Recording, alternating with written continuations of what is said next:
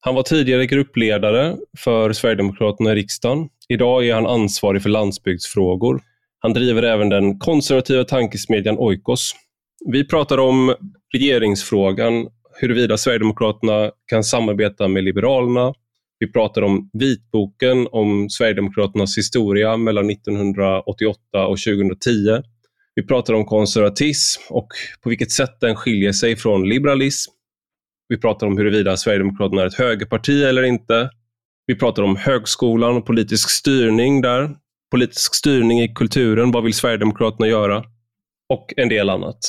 Men nu till dagens gäst. Du lyssnar på Rak Höger med mig, Ivar Arpi.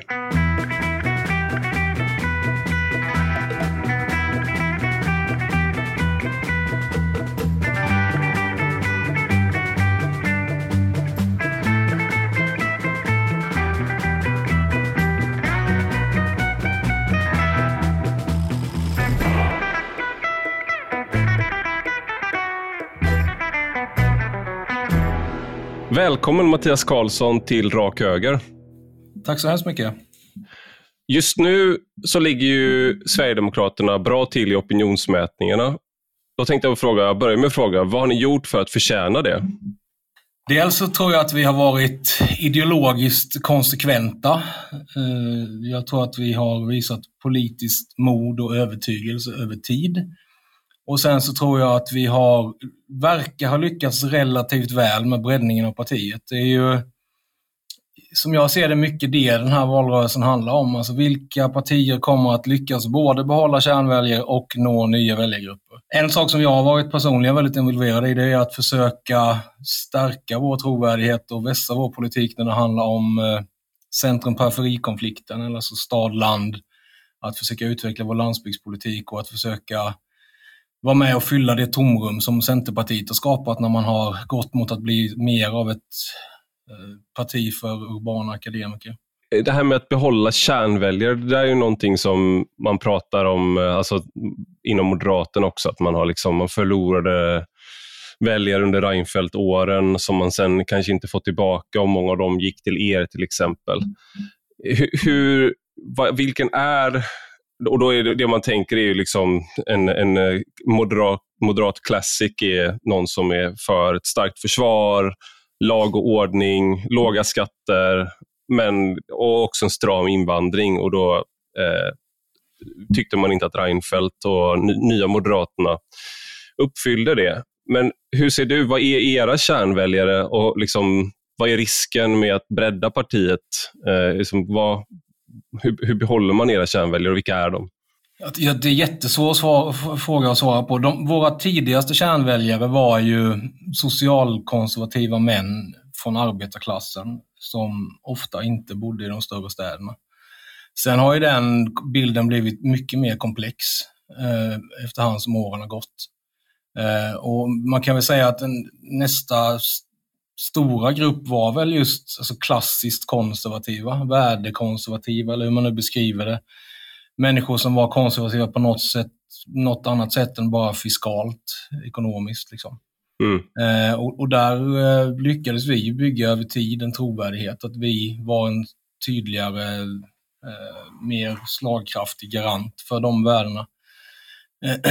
Sen, eh, ja, det är jättesvårt att säga. Det pratas ju väldigt ofta till exempel om att vi har jättesvårt att nå kvinnor, men samtidigt så, så är vi tredje största parti bland kvinnor. Vi har, vi har fler kvinnliga väljare än vad Vänsterpartiet och Miljöpartiet har tillsammans. Så det, vi, I EU-valet senast tror jag att vi hade, vi hade fler eh, kvinnor med utländsk bakgrund än med svensk bakgrund som röstade på partiet. Så det, bilden är väldigt eh, väldigt komplex och, och, och spretig just nu, men jag tror att det som ändå definierar, eller så som förenar allihopa de här är väl att de är hemmahörare eller somewheres på något sätt. De ser ett värde i att, eh, att, att samhället byggs upp av vissa gemensamma normer och värderingar och de värderar trygghet högt. Mm. En sån här, jag tänker ibland på det när man pratar om kärnväljare, att jag kommer ihåg när jag läste att tänka snabbt och långsamt av Daniel Kahneman, att människor är väldigt bra på att tänka i stereotyper, och typologier, att man har liksom en om, om man säger till någon så här, ja, här har du en, eh, en kille som eh, är bra på matematik, gillar, gillar att räkna för sig själv och så där. Kommer han läsa datavetenskap eller företagsekonomi? Vad är störst sannolikhet?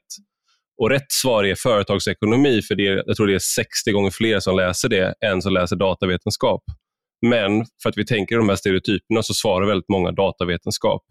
Och På samma sätt när man pratar om eh, väljare i USA till exempel, så har man haft den här bilden av en Trump, Donald Trump-väljare. Jag ska inte klumpa ihop Sverigedemokraterna med Donald Trump, men där har bilden varit att det är det, det som du beskrev som er traditionella eh, kärnväljare, fast i en amerikansk kontext. Då. Någon som kommer från kanske rostbältet, konservativ arbetarklass.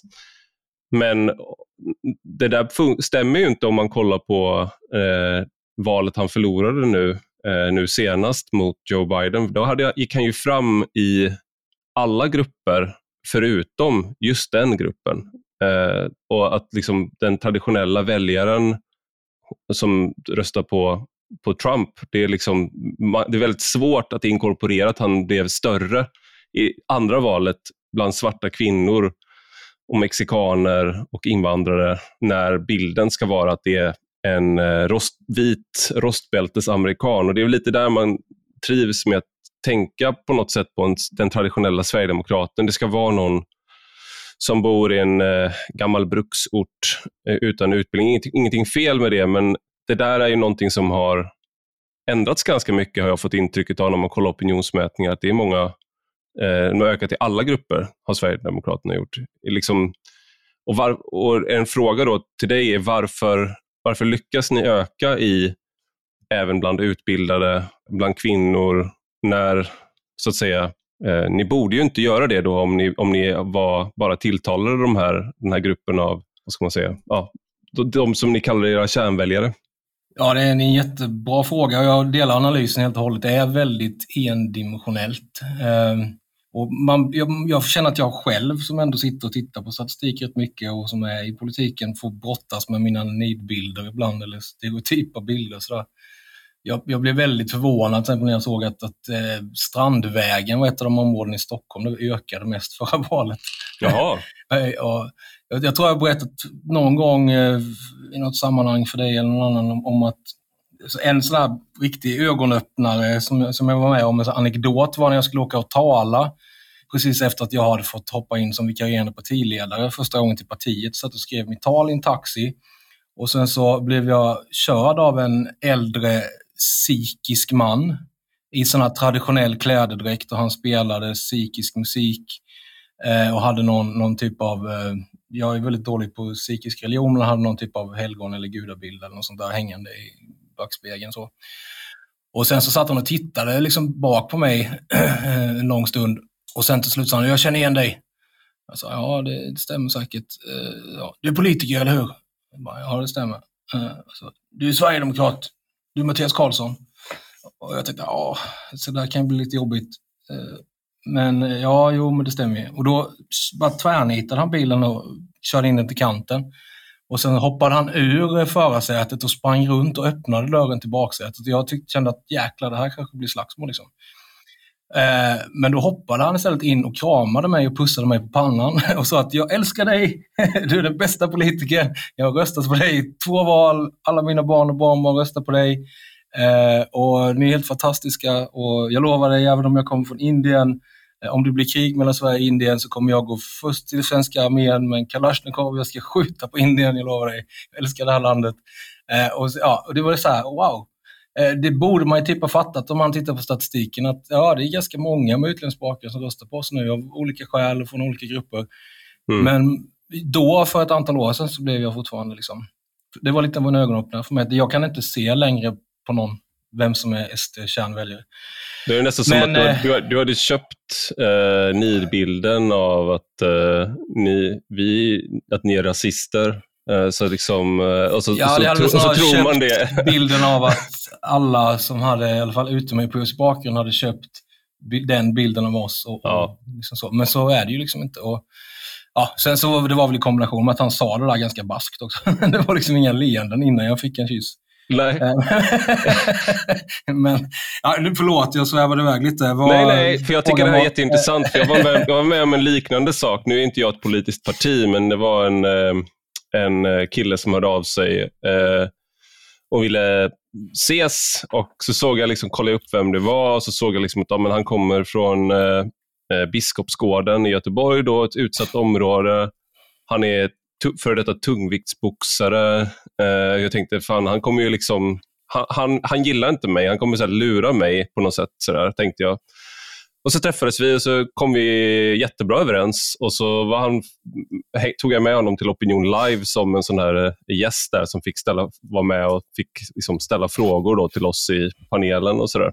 Och, och, så och Det var också min, min fördom då mot att okej, okay, om du kommer från ett utsatt område så, tycker du, så tror man att jag är en hemsk människa och därför så, ja, man går på liksom på något sätt den här eh, konfliktlinjen som finns där, att den är så, så stark mm. att man inte kan tro att det är men nu, nu, nu glider vi bort här. Men, ja, precis. Men, jag, men för att svara på din fråga, ja. att vi har lyckats ändå attrahera många olika... Jag tror att det, det, har att göra med den ideologiska grundtonen någonstans som är ganska bred. Vi, vi utmålas ofta som smala, extrema, radikala. Jag, jag uppfattar inte det som det. Och, och då socialkonservatismen, det vill säga att man man håller fast vid vissa fasta värden och normer och, och, kultur och så, samtidigt som man inte är, eller som vi snarare är ett mittenparti när det handlar om den socioekonomiska skalan. Och att vi har en slags eh, nationalitetsidé, en, en idé om en öppen svenskhet. Det, det tror jag tilltalar ganska många ganska brett. Eh, för just nationalitetsfrågan är väl en av vår tids stora strider och Eh, den socioekonomiska konflikten har blivit sekundär men är fortfarande viktig. Och där verkar inte folk uppskatta extremer åt vare sig det ena eller andra hållet. Och, och, så jag tror att vi har liksom positionerat oss, inte, inte medvetet strategiskt, men det har bara blivit så att vi, vi, vi råkade hamna rätt, rätt ganska rätt i, i, eh, ja, i samklang med vad många känner vore rimligt. Liksom. Nu kom vi in eh, på det jag tänkte ställa en fråga om, för eh, häromdagen så var din partiledare Jimmy Åkesson intervjuade i Expressen och då sa han att eh, SD inte är höger. Så håller du med om det? Och i så fall, vad säger det om som er förmåga eller möjligheten att samarbeta med Kristdemokraterna och Moderaterna som man får säga är absolut definierar sig som högerpartier?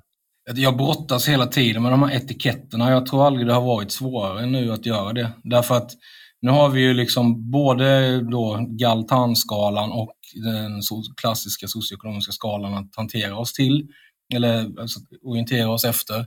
Och, och det komplicerar saker. Och sen så har vi dessutom förändringsprocesser där nya block är på väg att formeras och där det kommer att krävas kompromisser på bägge håll och så. Jag tänker inte på mig själv som höger, jag tänker på mig själv som konservativ. Och det är inte nödvändigtvis samma sak, tycker inte jag.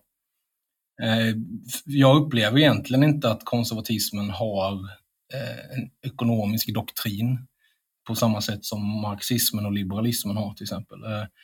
Eh, och, men, men eh, om man tänker sig, jag tror SD-väljare och särskilt partiledningen, vi är inte höger i bemärkelsen att vi är åt det libertarianska eller liberala hållet i ekonomin i de ekonomiska frågorna, inte så innerst inne. Liksom.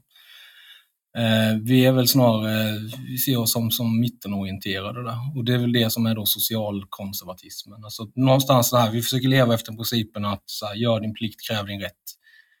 Och att det ska liksom prägla både välfärdssystemet och den ekonomiska ordningen. Det innebär att vi, ja, vi kan både tycka att ja, det ska löna sig att ta risker, starta företag, jobba hårt, eh, utbilda sig, då ska man få det lite bättre. Vi har inget mål, marxistiskt mål om att alla ska sluta vid samma punkt. Liksom.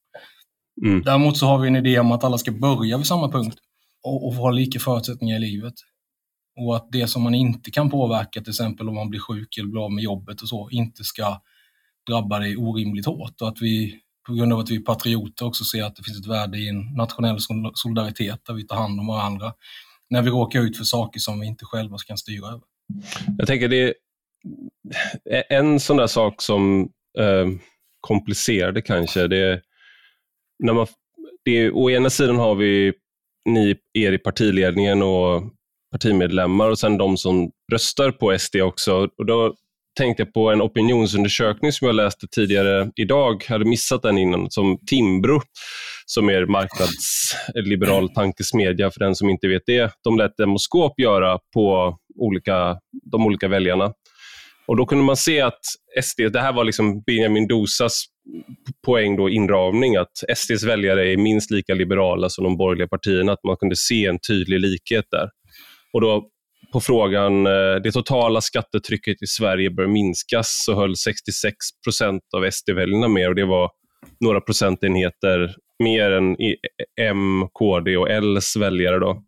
Och en annan fråga som ställdes var, den höga levnadsstandarden i Sverige beror på företagsamma människor och företag som framgångsrikt säljer produkter och tjänster. Och Där kunde man tydligt se att M, KD, L och SD svarade väldigt lika. Det var runt 80 procent som höll med om det påståendet, medan vänsterblocket höll med om påståendet den höga levnadsstandarden i Sverige beror på att politiker har skapat ett välfärdssamhälle. Mm. Nu behöver man ju inte eh, liksom, man kan ju hålla med om båda två såklart. Mm. Men det där säger kanske någonting om hur väljarna ser eh, på sin hemvist. Påverkar det er i partiledningen och i partiet, den typen av, liksom, när man kan se att väljarna ligger eh, höger ut så att säga?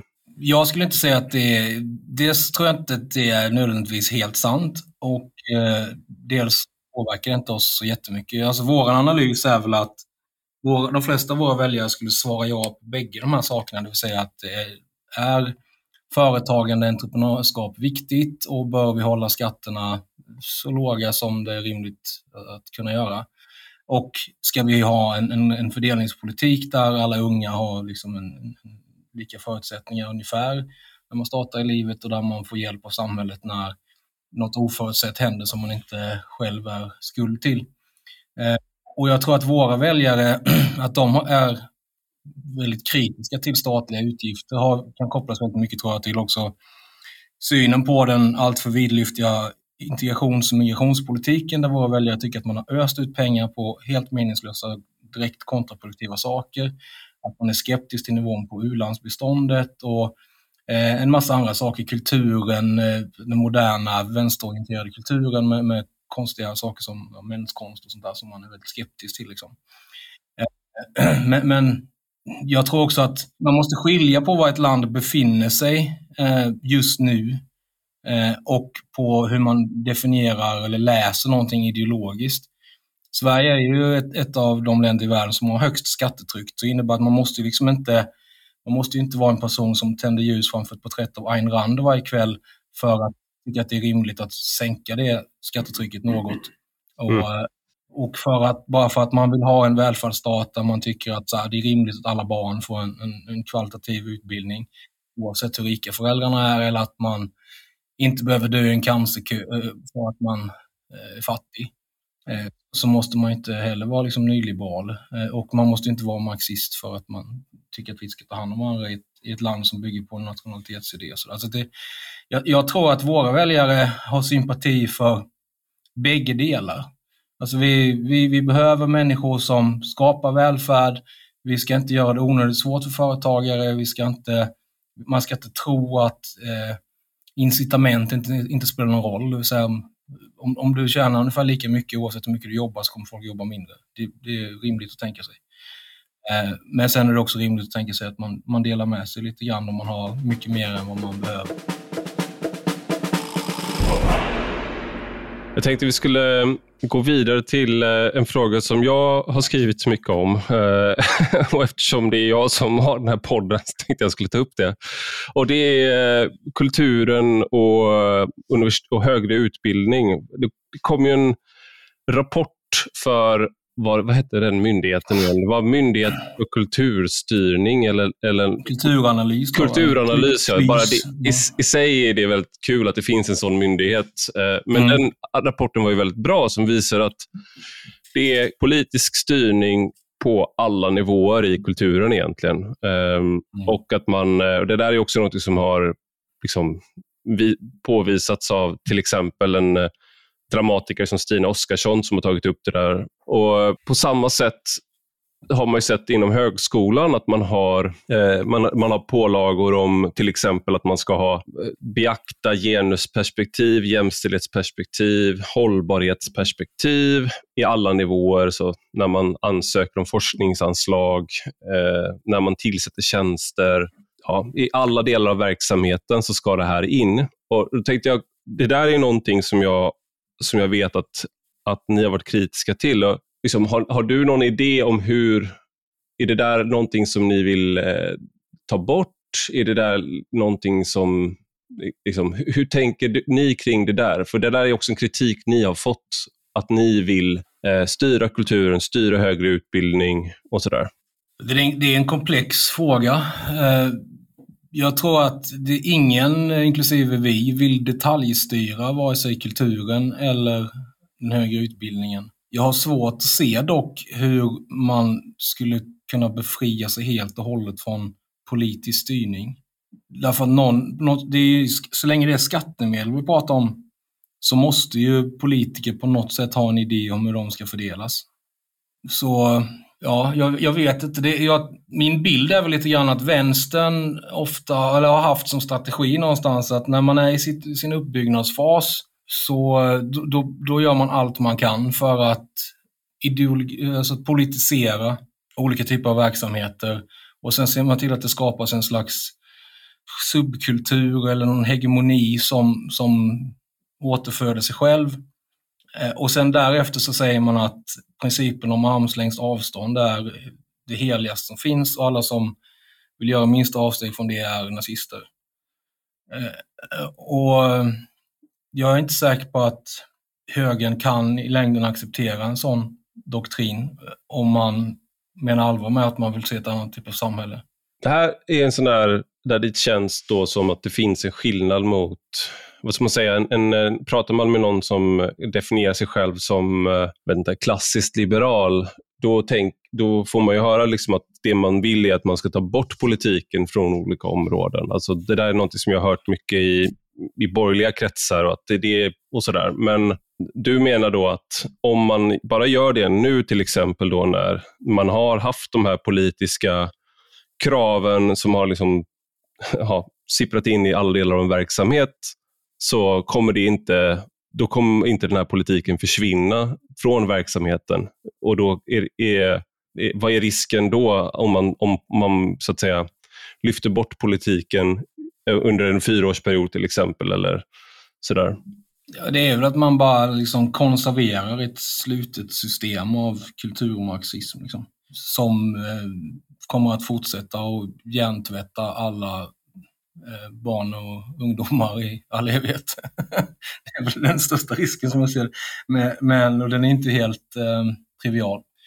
Men eh, man får inte eh, missförstå mig rätt. här, så jag är inte alls, och mitt parti är inte alls inne på att gå in och detaljstyra lika mycket eller mer på något sätt. Men jag tycker liksom att det är rimligt att man skulle kunna ha en idé om att om det nu saknas civilingenjörer så kanske vi ska anslå lite mer skattemedel till att utbilda civilingenjörer och lite mindre skattemedel till genuspedagogik. Liksom. Eh, det är inte konstigt. Sen så, jag håller med om att det finns en skillnad här mellan konservativa av min typ och klassiska liberaler. Och den ena skillnaden är att jag upplever att de, de hänger upp sig på en utopisk bild av hur de vill att saker och ting ska vara. Mm. Eh, Medan jag tycker att jag har en mer realistisk syn på hur saker och ting faktiskt är. Eh, och det, jag skulle väl, det skulle väl vara jättefint om vi kunde ha sfärer i samhället som är helt, som är helt befriade från politik. Jag är inte säker på att det är, är möjligt eller om det, någonsin, att det någonsin har varit så. Men nu är det i alla fall inte så. Eh, och då kan man antingen så att säga stillatigande sitta och se på eh, när ens motståndare kontrollerar eh, de här otroligt viktiga sfärerna eller så kan man försöka göra någonting åt det. Och jag hade haft lättare också att köpa någonstans om man säger att ja, men, okay, staten och politiken ska inte göra någonting alls för att förändra det här maktförhållandet eh, som råder. Om man hade på något sätt försökt göra någonting i de sfärer som ändå är fria, det vill säga inom ramen för civilsamhället, om man hade bildat, liksom, försökt bilda studentföreningar som ser till att det åtminstone finns någon slags eh, safe space för konservativa eller, eller högermänniskor på universiteten och campus, eller om man hade försökt eh, lyfta fram en kultur som man tycker är, är vacker och konstruktiv till skillnad från det som bara ska äckla och, och, och liksom demontera och sådär. Men det gör man inte heller. Man bara sitter på händerna och så beklagar man sig över hur, hur tillståndet är och sen så, och så, är man, så fnyser man på näsan att de som försöker göra något. Det är liksom, för mig är det bara en förlorarmentalitet, liksom en, någon form av ja, sorgsen kastratsång. Liksom. Det, det, man, det man är rädd för är ju den här um, att det ska bli, så att säga, jag, jag, jag, ställde frågan till eh, när jag intervjuade generaldirektörer för eh, de olika forskningsfinansierande råden som Formas och Forte och Vetenskapsrådet och sådär. Så frågade jag om nu, nu har ni en eh, politiska pålagor som säger att ni ska beakta hur hela tiden så ska det beaktas hur en, liksom en forskning gagnar jämställdheten på olika sätt. Eh, och Det ska ni göra i allting ni gör. Hur skulle ni se på eh, om det var att eh, om, den, om den, det ändrades till hur gagnar det här Sverige? Och Det hade ingen tänkt på. Så att de, jag fick väldigt konstiga svar. Det var någon som svarade att ah, ja, men då, då hade jag gjort det. Eh, och Sen var det någon som sa att då ska jag sl sluta på mitt jobb och sådär. De tyckte väl inte att det var jämförbara storheter, men det där är ju någonting då mm som man hör att man är kritisk till att Socialdemokraterna och Miljöpartiet och, liksom, och även alliansregeringen innan det politiserade högre utbildning och kultur. Att man har liksom, till exempel fört in eh, hbtq-certifieringar och jämställdhetsintegrering. Men det man varnar för är, tänker ni inte på vad som händer om Sverigedemokraterna får makten? För då har ni redan gjort det här. Så när Sverigedemokraterna får makten, då kommer de ju göra mycket värre saker. Det är väl mm. det som är någonstans min fråga då. Eh, så här, vad, när du pratar om att, att till exempel att det kan vara rimligt att ha en politisk styrning, pratar du då om att man ska föra in sådana, hur gagnar det här Sverige? Alltså min, min så här lite spetsiga, ironiska fråga. Eller handlar det om sådana här, hur styr vi om, eh, som du var inne på, liksom, handlar det om att styra om resurser till exempel till tekniska högskolor, den typen av saker. Ja, den typen av saker. Det kommer inte vara så här ett, ett generellt krav på alla avhandlingar som skrivs, att, att det ska utgå från perspektivet hur får vi fler att gilla knätofsar och surströmming. Liksom. Men det är lite den bilden man får när man lyssnar på vänster. Vi, vi inte alls, har inte alls den önskan eller strävan att Du får bara doktorera som... om du lyckas brotta ner professorn i Glima. ja, exakt. Nej, alltså jag, jag, jag, är helt emot detaljstyrning. Det tror jag alla är i mitt parti. Eh, men eh, det betyder inte att man inte kan ha en idé om liksom, vad som är kvalitativt eh, och vad som är uppbyggligt och så. Men det, det kanske man inte ska primärt eh, ge uttryck för genom politiska beslut, eh, utan mer kanske genom ja, föreningar, intresseorganisationer om vi, för det, nu pratar vi ibland ihop det lite, det är både kultur och utbildning i delvis olika storheter. Men... Ja, det är det, men det är, det är liknande, liknande mm. idéer som idag som styr Precis. inom de här områdena. Jag håller med om, om din analys, där, för det, och det är liksom har varit slående för mig att vänstern har liksom en blind fläck för hur totalitära de är och hur mycket de detaljstyr och påverkar. Därför att de tycker själva att det de tycker är inte politik, det är bara mänskliga rättigheter och godhet. Så det är bara några allmänmänskliga värden, det är inte ens politiskt för dem. Det blir, det blir bara politiskt när någon tycker någonting annorlunda. så det är därför jag hela tiden uppfattas som en kulturkrigare. För att jag, för att jag på något sätt vill göra 10% så mycket som de redan gör, fast åt ett annat håll. Ja, nej men Exakt, jag, jag också uppfattas också som, eh, när, jag, när vi skrev genusdoktrinen, som jag tror alla, alla lyssnare på den här podden är o, evinnerligt trötta på att höra om. Men i alla fall, då, att det, det, i princip det man föreslår är att man ska lyfta bort vissa uppdrag. Du ska lyfta bort vissa uppdrag. Det är inte det att du ska eh, lägga till ett uppdrag om att det ska integrera ett visst perspektiv hela tiden, som det är nu, utan du ska lyfta bort de uppdragen snarare. Det mm. uppfattas som politik, men inte det som redan ligger, så att säga. Men det, mm. en sak jag undrar här är, för att Sverigedemokraterna, när man pratar med folk fortfarande, är som skräm, man kan skrämmas med Sverigedemokraterna. Och man, det är liksom mm. ett skrämsel... Hela valkampanjen nu uppfattar jag, eller väldigt mm. stor del av valkampanjen från vänster handlar ju om er. Alltså att hur mycket av Sverigedemokraterna, liksom bilden av Sverigedemokraterna kan man få fästa på Liberalerna. På, ja. eh, så att man vill skrämma liberal, de som röstar på Liberalerna att rösta på Centerpartiet istället, helst, mm. med er. Eh, och samma sak med den här frågan då. Liksom hur, om det nu är så då att, att, att det du säger stämmer, att, och jag, jag har läst er partimotion vad gäller utbildningspolitik, som är den enda som tar upp just den här politiska styrningen på högskolorna, att man ska ta bort den. Inte att man ska tillföra ny politisk styrning. Som skriven av, eh, jag skrev om den här på, på rak höger eh, häromdagen, så jag kommer länka till, till det när jag lägger ut podden och sådär. Men varför är det här någonting som hela tiden återkommer med Sverigedemokraterna? Att ni är, vill styra och ni vill politisera allt. Liksom, ni vill politisera mer och ni har inte, man, kan liksom, man, ska, man skräms med det. Hur, hur lyckas man liksom hela tiden få det att bli någon slags sanning? Jag tycker väl att vänstern är ganska duktiga på att få allt de tycker att bli någon slags sanning eller att eh, upplevas som något som är relevant att diskutera hur absurt det än är. Och det handlar väl om att de har varit fruktansvärt skickliga under väldigt lång De har haft makten under väldigt lång tid och de har använt makten till att skapa hegemoni i ett antal sfärer som, som har väldigt stor inverkan på människors verklighetsuppfattning och, och vad som är rätt och, och, fel och sant och falskt och, och relevant och icke-relevant. Och så. Och det spelar ingen roll egentligen vad de än slänger ur sig.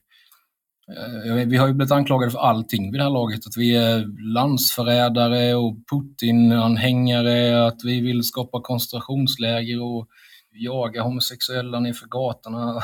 nu, nu senast så är vi moraliskt medskyldiga för att ett psykfall eh, mördade en, en, en, kvinna från SKR i, i Visby på något sätt. jäkligt oklart hur. Vi, idag har Aftonbladet någon bild på Jimmy Åkesson i sån här buffalahorn med en sån här päls och frågar sig då retoriskt om vi kommer att storma Rosenbad om vi förlorar valet. Och, mm. Alltså det, det finns ju ingen hejd på den här skräckpropagandan och det, det, det, går ju därför att förra valet var det att vi skulle kära kvinnor vid spisen och förbjuda abort. Liksom, och det blir Handmaid's Tale om SD får några röster till. Det, det, det, funkar ju för att de har så stor kraft i sin opinionsbildning. Men bara det att LO kan gå ut och använda medlemmarnas pengar i förbund där en majoritet av medlemmarna är sd till att ha personliga politiska samtal med 500 000 arbetare på arbetstid. Förstå vilken opinionsbildande kraft det ligger i det där. Och eh, när man också ser då att det är ungefär 0% av journalisterna som är sd och eh, jag kommer inte ihåg nu, men 85 90 procent som är rödgröna. Det är klart att det där spelar roll. Liksom. Och, och det, det, är en verklighet som högern måste vakna upp till och försöka på något sätt göra någonting åt. Annars kommer man förlora varje strid, varje gång, alltid. Det går liksom inte att vinna om, du, om spelet är riggat mot dig. Det är som att liksom, ja, banken vinner alltid på kasino. Liksom. Ändå får man ju säga att trots allt det så har ju, Eh, som det ser ut nu, så är SD det näst största partiet eh, i Sverige i opinionsmätningarna. Sen får man se till valet vad, hur valresultatet blir och sådär. Så att det och, och, som det du är inne på, så trots att de har de här eh, opinionsbildningen och LO så är det en, eh, en majoritet i vissa LO-förbund som röstar på Sverigedemokraterna. Så det är, det är någonting som finns här som, inte, som, inte nå, som inte, man inte klarar av inom det man kan kalla för etablissemangsmedia och de stora organisationerna där man inte lyckas nå människor. Men jag tänkte det är lite det ja. som den här klassiska klyschan med att du, du kan lura en del av folket eh, en del av tiden, men du kan inte lura hela folket hela tiden. Så.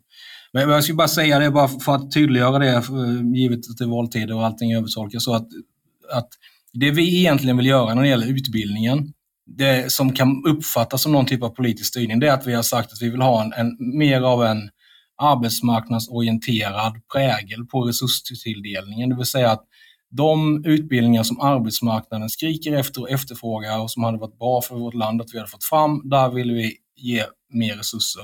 Där det inte finns en sån eh, koppling, och där är väl, tycker jag, genuspedagogiken det mest klarast lysande exemplet, där tycker vi att det är rimligt att man får en mindre resurstilldelning. Utöver det så har vi ingen idé om att från riksdagen politiskt styra. Sen, sen så tycker jag att det vore jättebra däremot om det bildas fler ja, studentföreningar och andra typer av verksamhet, kulturföreningar och sånt som, har, som står för en annan idé om kulturen på campus och vad som är en, en, den kultur som är viktigast för oss som samhälle. Och, vad, jag tycker också man kan ha en idé av vad som, vad som är uppbyggligt och vackert. Eh, men det kanske inte partier ska lägga sig i från riksdagen. Men jag tror att högern i en bredare bemärkelse måste ge sig in i de här diskussionerna mycket mer aktivt än vad man hittills har gjort. Eh, när du säger att eh, genusvetenskap och genuspedagogik och sånt där inte har så bra arbetsmarknad, då har du ju bokstavligt talat fel, vill jag bara säga att faktakollen där är, ger helt rött. Det är jättebra jo, arbetsmarknad. Jo, jo. Visst, så, alltså så det du säger är att ni vill ge mer pengar till genusvetenskap med andra ord, så att den här jämställdhetsintegreringen, för det kommer krävas många fler genusvetare. Ja, det skulle vi också kunna säga så här, liksom, eh, knätofsmanufaktörer och surströmmingsprovare. Exakt. Så får man en jättestark arbetsmarknad. Precis. Nej, förlåt. Jag tycker inte om att jag sitter och raljerar över det sättet. Men ni förstår att jag... Jag tror att det framgår ja, av kontexten att det ja, finns bra. en aning humor uh, i ja, detta. Uh, vi får se när det citeras på Aftonbladets ledarsida sen om det framgår. Exakt. Man har ju gjort det misstaget några gånger. Jag tänkte vi skulle gå vidare till ett kärt ämne som eh, alla Sverigedemokrater älskar när man tar upp och eh, det är Sverigedemokraternas historia. Och Den här vitboken som kom ut nu, som eh, den första delen som eh, tar upp eh, från bildandet 1988 till 2010. Och I den då så visade idéhistorikern Tony Gustafsson att minst en tredjedel av grundarna hade kopplingar till hög, den högerextrema rörelsen och många kom direkt från Bevara Sverige svenskt. Hur ser du på det och är det liksom är det någonting som du, eh, du själv tänker på eller var det någonting nytt för dig när det här kom? Alltså, ja, hur ser du på det här? Till att börja med så, så köper jag inte helt och hållet beskrivningen. Eh, för att den siffran är bara sann om man också räknar in alla som var med och grundade de första lokalföreningarna som partigrundare. Det gör man inte med något annat parti mig vetligen, utan då tittar man på de som var med och grundade riksorganisationen och i så fall så är siffran betydligt lägre. Men spelar egentligen för mig ingen större roll om det var 5% eller 33% Det fanns personer med eh, som eh, verkar ha kommit från en väldigt radikal bakgrund. Huruvida de fortfarande hade radikala idéer då vet man väldigt lite om. Det verkar sannolikt i åtminstone ett par fall. Och det är eh, liksom jättetrist. Eh, och det är väl någonting som jag har fått leva med och brottas med och bemöta och som har påverkat partiet och mitt liv otroligt mycket, trots att jag aldrig har träffat de här människorna. Eh, merparten av dem, i princip alla, försvann redan innan 93. Eh, de, de allra sista tror jag försvann 97. Eh, jag gick med i partiet 99. Och ja, jag vet inte vad man ska säga om det mer än att så här, det, jag tycker att det är bra att det lyfts fram. För mig var det ingenting nytt. Det är väl få andra partier vars mörka fläckar har dissekerats så mycket och så ofta som vårt. Och eh, jag, jag, jag tycker att det var väldigt problematiskt. Det är synd. Jag hade önskat att kunna ha en stoltare historia i det här avseendet. Det finns mycket jag är stolt över i mitt partis historia, men det här skäms jag över. Liksom. Mm. En sak, det blir ju en, eh, en ironi här som, som jag har skrivit om, som andra också har påpekat, att under lång tid så var det ju Sverigedemokraterna hade liksom när man kallade Sverigedemokraterna ännu mer för ett enfrågeparti. En anledning till det var ju också att man ägde helt och hållet kritiken mot den förda migrationspolitiken eh, och man var ensamma om att kritisera den. Eh, och nu mm. idag så är det snarare en tävling om vem som kan vara, framställa sig som striktast. Magdalena Andersson skryter om att man har eh, EUs miniminivå Eh, på migrationen, vilket inte är sant. Men det är i alla fall någonting man skryter om och man eh, att vi stramade åt från alliansåren. Vilket är sant, men man stramade åt först efter 2015, migrationskrisen. Men i alla fall, det finns en, idag då när alla konkurrerar så att säga om den positionen, då, har det blivit, då är det väldigt viktigt att påpeka att det fanns eh, eh, nazister med, eller eh, högerextremister med i Sverigedemokraterna när det bildades. Är det någonting du tänker på? Alltså, är det någonting som, vad tänker du om det? Ja, alltså de måste ju, i och med att vi har, jag uppfattar det som att man egentligen ger oss rätt i en massa olika frågor. Det är inte bara migrationsfrågan. Det var, vi var också först med att kräva mer resurser till försvaret. Eh, vi, vi, var tidigast ute med att kräva en kraftig upprustning av polisväsendet och skärpta straff och mycket andra saker. Eh, att, att ja, hela nationalitetsserien, att det ens finns någonting som är svenska värderingar, att det finns kulturer, att det spelar roll och, och sådär, som alla pratar om nu. Eh, och, och, Det kan man inte bara ge oss. Det hade ju varit förödande, för då kunde ju folk tänkt att vi faktiskt är ganska förutseende och kloka. Och att eh, all den här ganska extrema förföljelse som riktades mot oss var orättvis där folk, mina partikamrater till och med utsattes för mordförsök och, och, och våld och trakasserier och blev av med jobben och allt det där. Så då måste man ju fortfarande hålla kvar vid bilden av att ja, de kanske hade rätt, men de hade det på fel sätt och de är fel människor. De är fortfarande jättefarliga och extrema. Och nu har vi, de sansade, demokratiska, fina människorna, plockat upp det som de här blinda hönorna liksom lyckades hitta av en slump Eh, och, och, nu kan ni rösta på oss istället, men, men akta er för dem, för de är jättefarliga. Liksom. Det är, jag vet inte vad, vad de mer... De, de hade inte så många andra alternativ kanske än att göra just så. Och de gör ju det verkligen med en fas. Det finns ju ingen hejd på det. Liksom. Men det, det är en ironi då att i takt, ju längre tiden går, ju viktigare blir historien eh, med Sverigedemokraterna. För att innan ja. så kunde man kritisera Sverigedemokraterna mycket hårdare på de punkterna där ni stack ut. Och nu sticker ni inte ut lika mycket. Och då tänker jag, nästa fråga där är då, har vi liksom gått in i en ny, en ny konsensus där, där det nu är liksom alla håller med om lag och ordning, försvar, striktare migrationspolitik? Och i så fall, om det är så, varför ska man rösta på Sverigedemokraterna när Moderaterna, Kristdemokraterna, Liberalerna, Socialdemokraterna åtminstone eh, också säger sådana saker? Nej, alltså, sista jag vill säga bara om historien är att jag tycker att det är extra ironiskt att man, att man gör det där efter, givet att den ledning som har fört partiet till den position den är nu, som har gjort partiet politiskt relevant överhuvudtaget. Vi har ju under hela vår existens och aktivitet identifierat oss i kontrast mot det som man pekar ut som det problematiska. Vid varje givet tillfälle tagit strid och fjärmat oss från, eh, försökt vara motsatsen till den här eh, tidiga delen och nidbilderna och så. Och jag tror att SD är ganska unika i det att vi har inga av de här veteranerna kvar. Det finns inte en enda person eh, som det skrivs om som fortfarande är med i partiet eller har någon typ av position. De, var, de, var, de hade ingen betydelse liksom. Mer än som, som ett spöke. Inte idag har de inte den relevansen.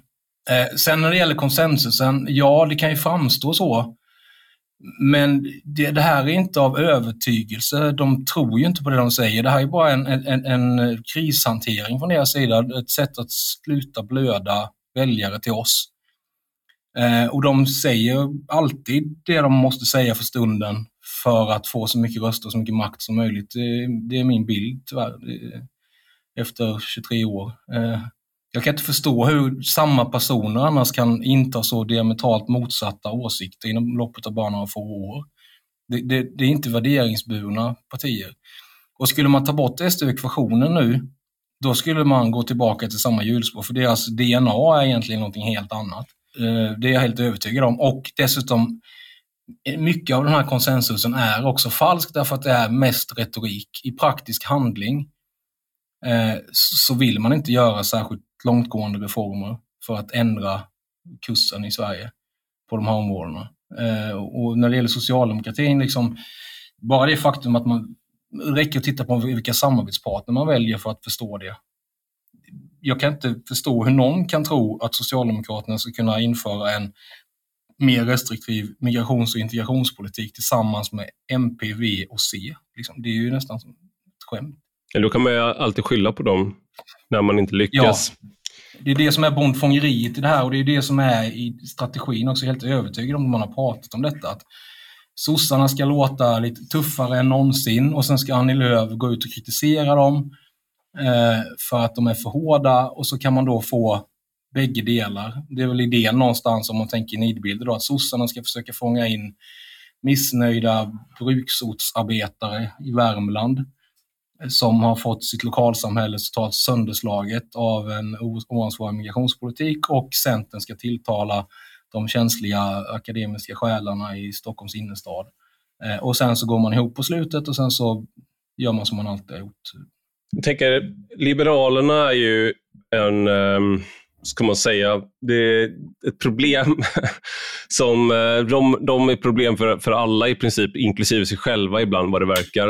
Eh, men eh, det verkar som att de förmodligen kommer behövas som regeringsunderlag för en, en ny regering. Inte säkert, men vad det verkar. Ehm, då tänker jag på när i februari så gjorde DN en Ipsos, eller Ipsos gjorde en mätning åt DN där man frågade vilka, all, alla väljare, vilka de kan tänka sig som sitter i regering. Och SD-väljarna svarade i februari att de, då var det 33 procent som kunde tänka sig Liberalerna i regering. Och nu när man gjorde om det så var det 53 procent som kunde tänka sig Liberalerna i regering. Och bland liberala väljare, då, eller de som röstade på Liberalerna, så kunde de, var det 14 procent i februari som kunde tänka sig SD i regeringen och nu var det 25 procent. Då tänker man, för det första kan man se att SD-väljarna är mer toleranta mot Liberalerna än vice versa. Men det gäller ju generellt bland sverigedemokratiska väljare att eller bland sverigedemokrater. Att vi, de, vi är lite mer toleranta än de flesta. De flesta tycker sämre om, de flesta tycker, om Sverige, äh, tycker mindre om Sverigedemokraterna än vad Sverigedemokraterna tycker om dem. Det är lite tragiskt men ja. sant. Ja. men äh, hur, hur, olika är Liberalerna och SD? Och liksom, finns det Eh, hur, hur bra ser samarbetsmöjligheterna ut där egentligen? Ja, alltså att, att opinionen skiftar här, det förvånar mig inte så mycket för att det har vi sett innan att hur media rapporterar om hur, vilka som är i lag och hur liksom, blocken ser ut, det påverkar väldigt mycket. Man såg, det gick häpnadsväckande fort för Centerväljarna att börja gilla S.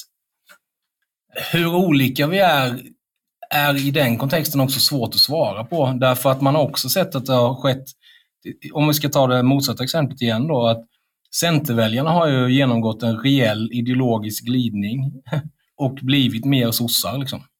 Eh, de har även socioekonomiskt glidit mer åt vänster. De var kulturellt eh, i vänsterläget innan, men, och det har de blivit ännu mer. De är ju på samma nivå som MP och V nu. Liksom. Det där har gått ganska fort och om man kan blir det samma effekt hos L-väljarna, för det är ofta de mindre partierna som påverkas, då kanske vi inte blir så fruktansvärt olika som vi var för ett par år sedan. Mm.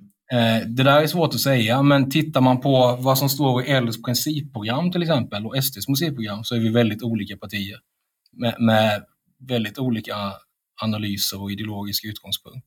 Sen så tror jag att man, Johan Persson som person har ju spelat en oerhörd roll i den här processen. Han uppfattas ju som killen vid grillen, lite sådär allmogekonservativ på något sätt. Eh, sådär, skön och sunt förnuft baserad och så. Men han är ju, det är ironiskt på det sättet att han är ju ett unikum i sitt parti. Och därför har han inte heller varit särskilt väl omtyckt. Han hade inte en chans när han ställde upp i partiledarvalet för något drygt år sedan. Eh, och, och eh, jag tror det var Svenska Dagbladet gjorde någon eh, sån här ideologisk kompass, eller man utgick från det här Eh, när politikerna svarar på en mängd olika frågor eh, inför valet 2018. Och Johan Persson var ju extrem. Alltså. Han, var ju, han låg ju lika extremt som, som Sverige gör i förhållande till resten av världen i World Value Survey Cultural Map. Liksom. Eh, han är den minst liberala liberalen av alla deras förtroendevalda. Och det är det som funkar. Liksom. Och vad det där får för konsekvens, om partiet följer Johan Persson, om väljarna börjar se sig mer som allmän höger, ja, då kanske det här kan funka bättre än många tror. Men ja, när man lyssnar på vissa uttalanden från Stockholmsliberaler så blir man ju orolig. Mm.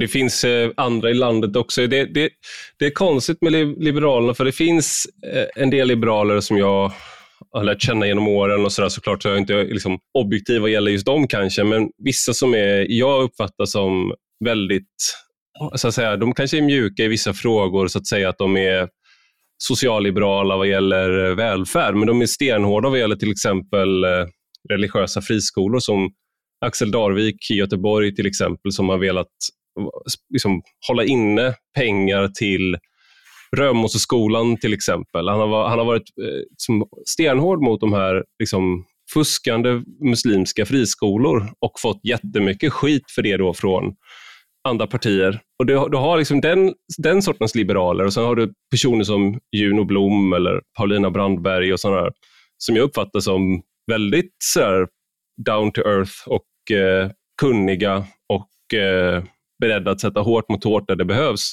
Och sen har du då den här Bengt Westerberg arvet mm. som också finns där, som är liksom som en tvångströja på de här liberalerna. Som jag uppfattar mm. faktiskt står för en liberalism som var det som lockade, som gjorde att jag en gång i tiden började kalla mig liberal. Alltså för ganska länge sedan nu. Då. Jag skulle väl kanske inte, det är inte där jag, jag, jag vet inte vad jag har för etikett längre, men den liberalismen som sätter just, har, har förmågan att sätta hårt mot hårt där det behövs och sådär. Och den, det är väl där Johan Persson är, han har varit liksom, han har varit en av dem som har tillhört den lite man kallat för mm. kravliberalism tidigare. Nej, men det är i grund och botten så är det väl så att Liberalerna är ett parti som åtminstone bland sina företrädare inte har avgjort var man eh, befinner sig på Galtanskalan och man har inte löst ut den inneboende ideologiska konflikten mellan socialliberaler och liberalkonservativa, om man ska sätta etiketter på det här. Eh, och det är problematiskt för ett så pass litet parti. Väljarkåren upplever jag, jag har förvånat mig många gånger när jag tittat på opinionsundersökningar, att så förhållandevis stor del, till och med en majoritet av Liberalernas väljare under ganska många år har varit mer konservativt höger än vad man har kunnat tro när man lyssnar på deras företrädare i riksdagen.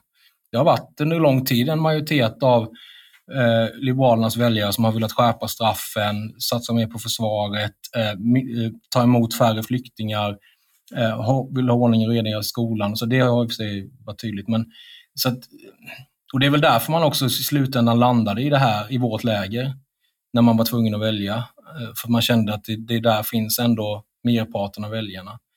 Men, men sen finns det fortfarande höga företrädare som, som skulle ideologiskt passa bättre i, på den andra sidan, helt klart. Alltså hos Centerpartiet eller till och med MP. Eh, jag och Birgitta Olsson har liksom ingenting gemensamt. Förutom möjligtvis att vi här, tycker att det är viktigt med småföretag. Eh, men jag och Johan Persson tror jag har ganska, kan prata om ganska mycket saker. Och det är väl eh, ett oskrivet blad än. Var, var går L liksom? Mm. De har stor spridning bland sina representanter, även om Johan Persson kanske är den som har, ligger längst från medelpunkten där bland riksdagsledamöterna, i alla fall när SvD gjorde den där mätningen. Mm. Så kan man väl fråga sig också vad, vilken psykologisk effekt får, har deras nära döden-upplevelse här från i våras. Och att just Johan Persson ser ut att bli frälsaren, det borde ju rimligtvis hjälpa till att knuffa dem i en, i en mer eh, högerborgerlig riktning. Eh, vi, jag hoppas det, men det återstår att se. Vi kan konstatera att talmannen får nog i alla fall eh, baka mycket kakor. ja, han får nog börja bunkra. Det vad det verkar. Jag tänkte jag ska avsluta med eh, att fråga om eh, segregation. För att en, liksom en sak som när Sverigedemokraterna var up and coming, så att säga, innan ni kom in i riksdagen, så, eh, och även i början så pratade man mycket om, eh, då var det väldigt mycket diskussion om assimilationspolitik och sådär. Och Vad jag vet så har ni fortfarande en sån linje att man ska eh, liksom anamma svensk kultur, man ska lära sig svenska och sådär. Men det jag tänkte, de här uttalandena som har kommit från Anders Ygeman, Magdalena Andersson om att vi inte ska ha Somalitown, vi ska inte ha den här liksom segregationen och Anders Ygeman satte någon schablon på att mer än 50 procent ska inte ha utländsk bakgrund eller om det var utrikes födda. Och Sen har man ju också haft förslag på det här med eh, att skolor ska ha en allsidig social sammansättning, vilket ju är ett fint sätt att prata om kvotering och sådär. Hur ser ni på det där? För att det, det är de, det där låter för mig som en slags assimilationspolitik, fast så här, oklart hur, hur man har tänkt att det ska genomföras. Ska människor flytta?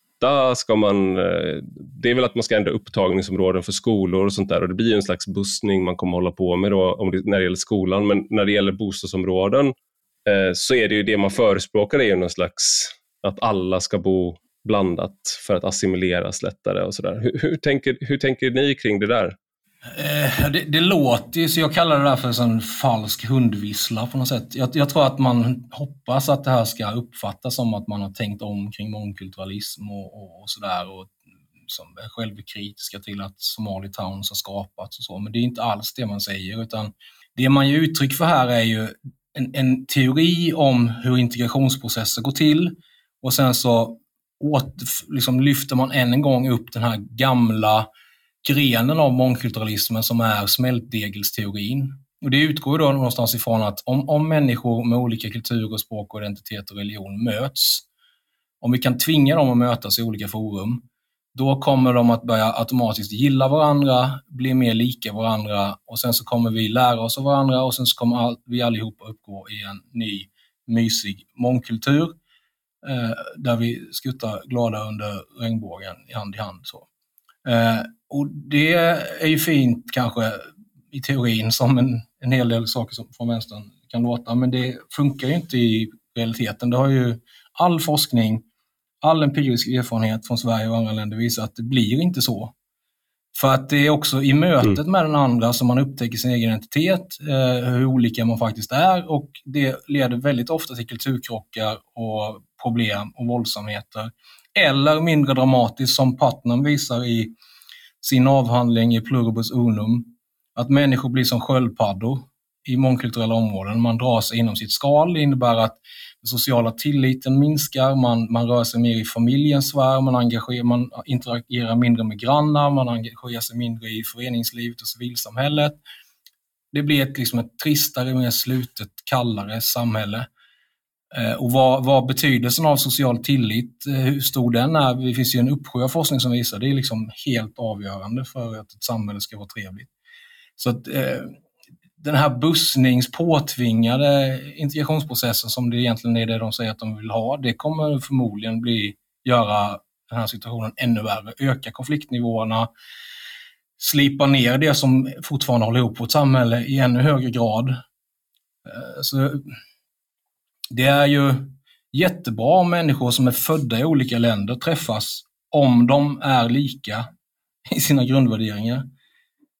Men jag tror inte, ingen jag känner kommer ju gilla till exempel islamism och hederskultur mer för att eh, man spelar i samma fotbollslag eller bor granne med någon som tycker så. Det är, det är en, eh, en teori som finns där också om att segregationen är orsaken till kriminalitet till exempel.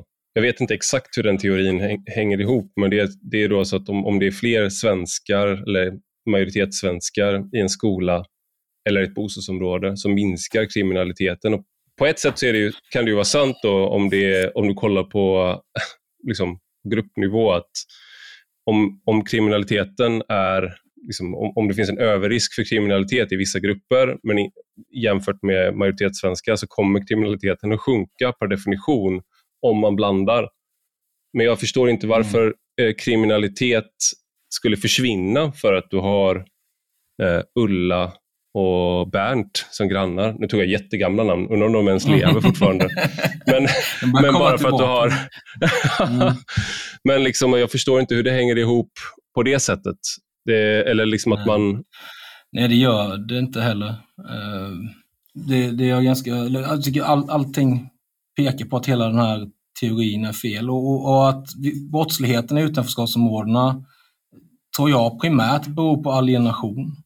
Eh, alienation i, i, kombination också med en, en, en medvetet skapad offerkultur ett slags, eh, där man har gjort det okej okay med så yttre fokus av kontroll, där man kan skylla alla sina tillkortakommanden och problem på omvärlden och där man får höra att det är ingen mening att du ens försöker anstränga dig, utbilda dig och jobba hårt därför att du kommer ändå bli diskriminerad och det finns ingen möjlighet, det finns ingen plats för dig i det här samhället för det styrs av hemska, ondskefulla, vita heterosexuella män som bara vill förtrycka dig och hålla dig tillbaka alltid. Så du kan lika väl bli kriminell. Och om du blir kriminell så är det ju någonstans ett sunt uttryck för uppror mot den här förtryckande, eh, Eh, strukturellt rasistiska eh, samhällsmodellen som vi lever i. I kombination med att man är, liksom, man är i ett kulturellt vakuum. Man, man har inte blivit en del av en svensk kultur för den har nedvärderats och, och eh, uppfattas som icke-existerande och man har tappat kontakten med, med de, kanske i vissa fall, eh, mer, mer hämmande normerna i den ursprungskulturen och sen så är man någonstans mitt emellan och sen så fyller man det med amerikansk gangsterkultur liksom. och materialism och hedonism. Eh, det, är så som, det är min analys, min killgissning kring eh, varför det ser ut som det gör. Och det, det där kommer ta hur lång tid som helst att lösa. Och vi, vi har varnat för det. Så länge jag har varit med i partiet så har vi fört fram ungefär den eh, synen. Sen finns det såklart vissa typer av brottslighet som är direkt kulturellt kopplade. Hedersproblematiken tror jag har spelat in i det här med, med hämndcyklerna. Och det spelar ju såklart in i, i, i hedersbrotten och, och sexualbrottsligheten och de sakerna. Men det, det finns något annat här också som inte är direkt kopplat till en särskild kultur kanske, utan mer bara rotlöshet. Jag, jag tror eh, att det ligger väldigt mycket i det och jag tyckte det var ehm, så ironiskt när eh, Vänsterpartiets partiledare Nooshi Dadgostar fick frågor om eh, invandring på något sätt påverkade kriminaliteten hon fått i olika sammanhang, bland annat i utfrågningen men även i, när hon var med i Svenska Dagbladets eh, podd Politiken och svarade på frågor. Att det sitter inte i pigmentet om man begår brott eller inte, svarade hon som ett mantra och det har de liksom hittat som en mm. talepunkt. Och det är det ju ingen som... Det är ingen som Exakt, det är ingen som tror. Som ingen har. Nej. Exakt, utan det det handlar om är ju just det som jag tror du är inne på nu. Att det är, det är inte liksom för mycket iransk kultur, eller om man ska ta ett exempel, eller liksom sådär, utan det är snarare avsaknaden av båda och en eh, destruktiv eh, liksom gatukultur eller gangsterkultur från USA blandat med den här alienationen. Det är det mm. som är en det, det, ser man i hela Europa, det ser man på massa olika platser. Liknande dynamik, även om det kanske är i olika utsträckning. Sen kan det vara så att man har med sig kulturella mönster eh, som till exempel hederskultur, hedersnormer eller hur man ser på när det är rimligt att använda våld och liknande. Mm. Men det är inte det, jag tror inte att det är det som är huvudförklaringen egentligen. Jag tror att det är den här mm. eh, kombinationen av eh, normlöshet med att man inte har en fast punkt i någon av kulturerna. Precis. Eh, Sen finns det ju också som en sidoström också en, en slags överkompensation hos vissa och det är väl därför man kan se en sagt att det ofta är så att andra och tredje generationen eh, har, ty tycker att islam är viktigare än vad deras föräldrar tyckte. Jag har till och med träffat persiska föräldrar som är förtvivlade för att de, de var anti-islamister och flydde liksom från det islamistiska förtrycket och som har barn som har blivit fundamentalistiska muslimer i Sverige som en del i en identitetssökarprocess. Liksom. Så det är inte bra i vilket fall som helst och det var ganska enkelt att se från första början, tyckte vi, eller jag. Eh, men nu är vi här och jag tror att, att assimilering, eh, att, att försöka återskapa en slags gemensam identitet, vissa grundläggande normer, vissa upphöja vissa grundläggande kulturella uttryck och attribut och traditioner, svenska språket, uppgradera medborgarskapet, eh, visa på vägar där man liksom i lite så här eh, Jordan Petersonsk anda kan få unga män att känna att de är viktiga, att de har en plats. Mm. Alltså man borde ju aspirera på egentligen att de här unga killarna som idag vill bli liksom eh, mördare för shottas, eller så här, att de borde ju vilja bli kustjägare istället. du fattar vad jag menar. Det är ju någonstans ett machoideal att hitta en plats, få, få status och kredibilitet genom någon typ av traditionell manlighet. Och då, det där har ju samhället styrt på olika sätt, den här den drivkraften hos unga män, antingen via, mot idrott. Och Det finns väl en sån väg, det är väl många som vill bli nästa Zlatan och sådär, det är jättebra. Liksom. Men jag tror att man kan göra det på andra sätt också. Att man kan visa att du har en chans att bli en, en, en inte bara en accepterad medborgare utan en, någon som har väldigt hög status i vårt samhälle genom att göra uppoffringar och, och uppfylla dina plikter gentemot oss som kollektiv. Då kan du bli högt värderad hos oss. Jag hade en kompis som jag växte upp med som eh, han ville bli eh, Han ville bli jägarsoldat eller gå med i Främlingslegionen. Eh, han var inte så trevlig ens när vi var små, men sen blev han istället eh, yrkeskriminell. Så han, gjorde, just, han gjorde just den där resan, fast fel. Ja. Sen kan man, behöver man inte tycka att det ena utesluter det andra. Man kan först skaffa sig en utbildning som kustjägare, sen börjar man skjuta ihjäl folk för shottas med den kompetensen. Du är mer cynisk än jag till och med. Jag fram typ strimma av hopp och en väg framåt här. ja, Nej, men jag, jag, jag, tror verkligen mycket på det här. Så folk behöver känna sig behövda och man behöver känna att man har krav på sig. Eh, och så måste det finnas någon typ av belöning för det. Liksom. Eh, och, och det, det här offermentaliteten och identitetspolitiken är verkligen ett gift jag tror inte att vänstern själva förstår hur mycket de skadar samhället och hur mycket de skadar de här människorna som de säger sig värna om genom att sprida den här eh, livssynen som är så defatistisk och mörk och cynisk och falsk.